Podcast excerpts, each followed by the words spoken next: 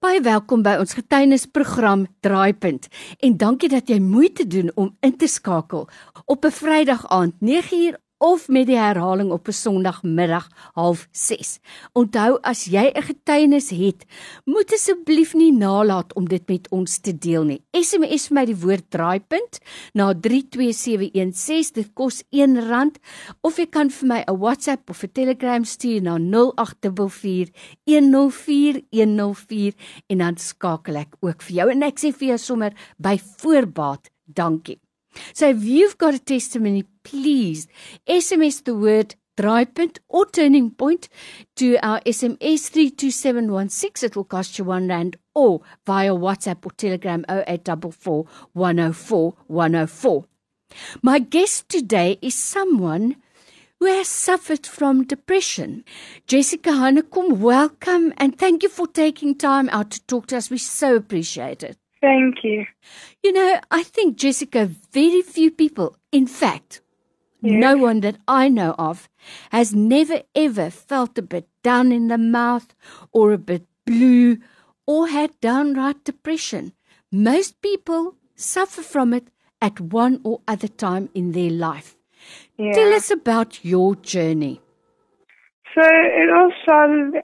Um, I can't remember when, but I was in at Alexandra Psychiatric Hospital for about several months, and then on the fifth of September, my gran who was very very religious, but she was Catholic, Catholic, and she passed away Oh, wow. on the Sunday. So it was Sunday that she passed away.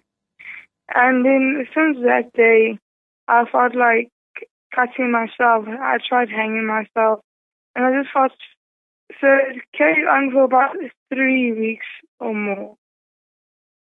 And I felt like I got, God drew me far away from Him.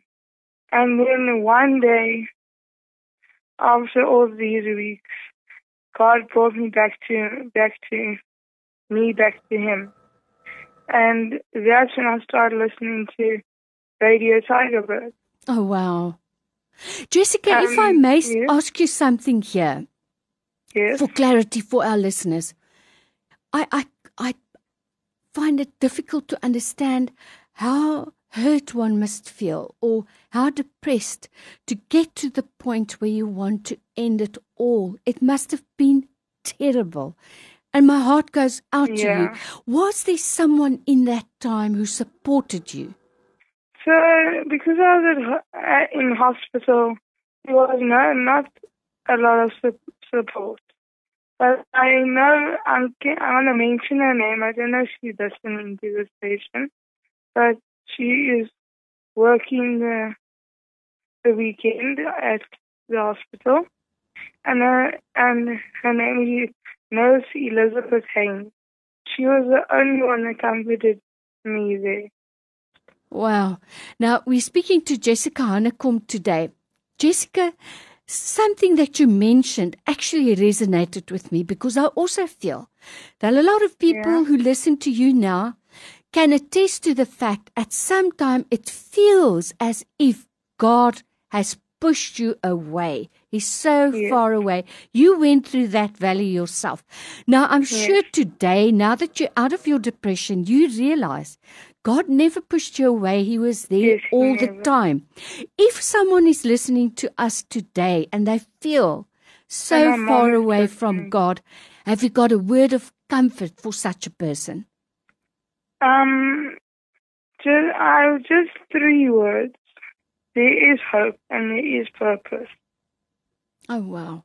Now, Jessica, you mentioned that one day you felt as if you were drawn back to God again. And since then, you've started to listen to Radio Tygerberg. But can you Yes. tell us a bit more about that turning point? How did that come about?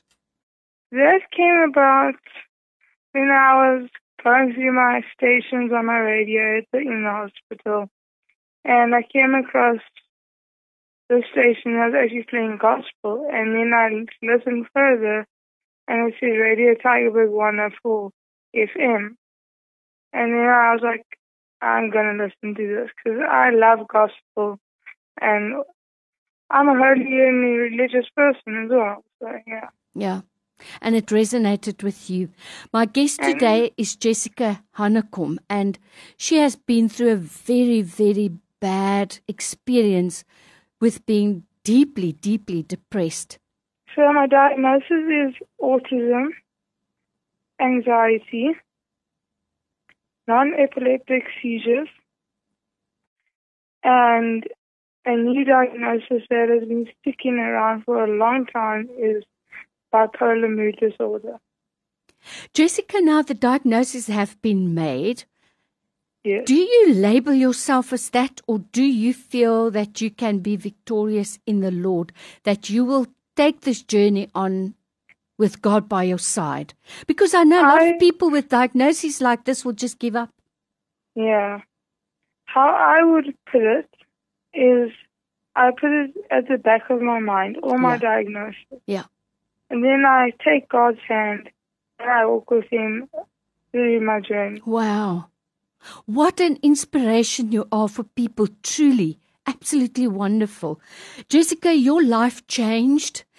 And as you so rightly said, you're on a new journey now. And I know there are parents listening today with children who have maybe received similar diagnoses, or even if they haven't been diagnosed yet, they're walking around with the symptoms. How important do you think it is for parents, grandparents, or for someone to just continually still pray for the child? I can just say that God will answer on His own time. True, true. Yeah. So we must keep on praying. Yes. And you also said, Jessica, that you have a shout out for people. Just tell us about that quickly. Okay. Um, I told my mom, Nikki Hanekom, about it yesterday, and I would like to send a shout out to her.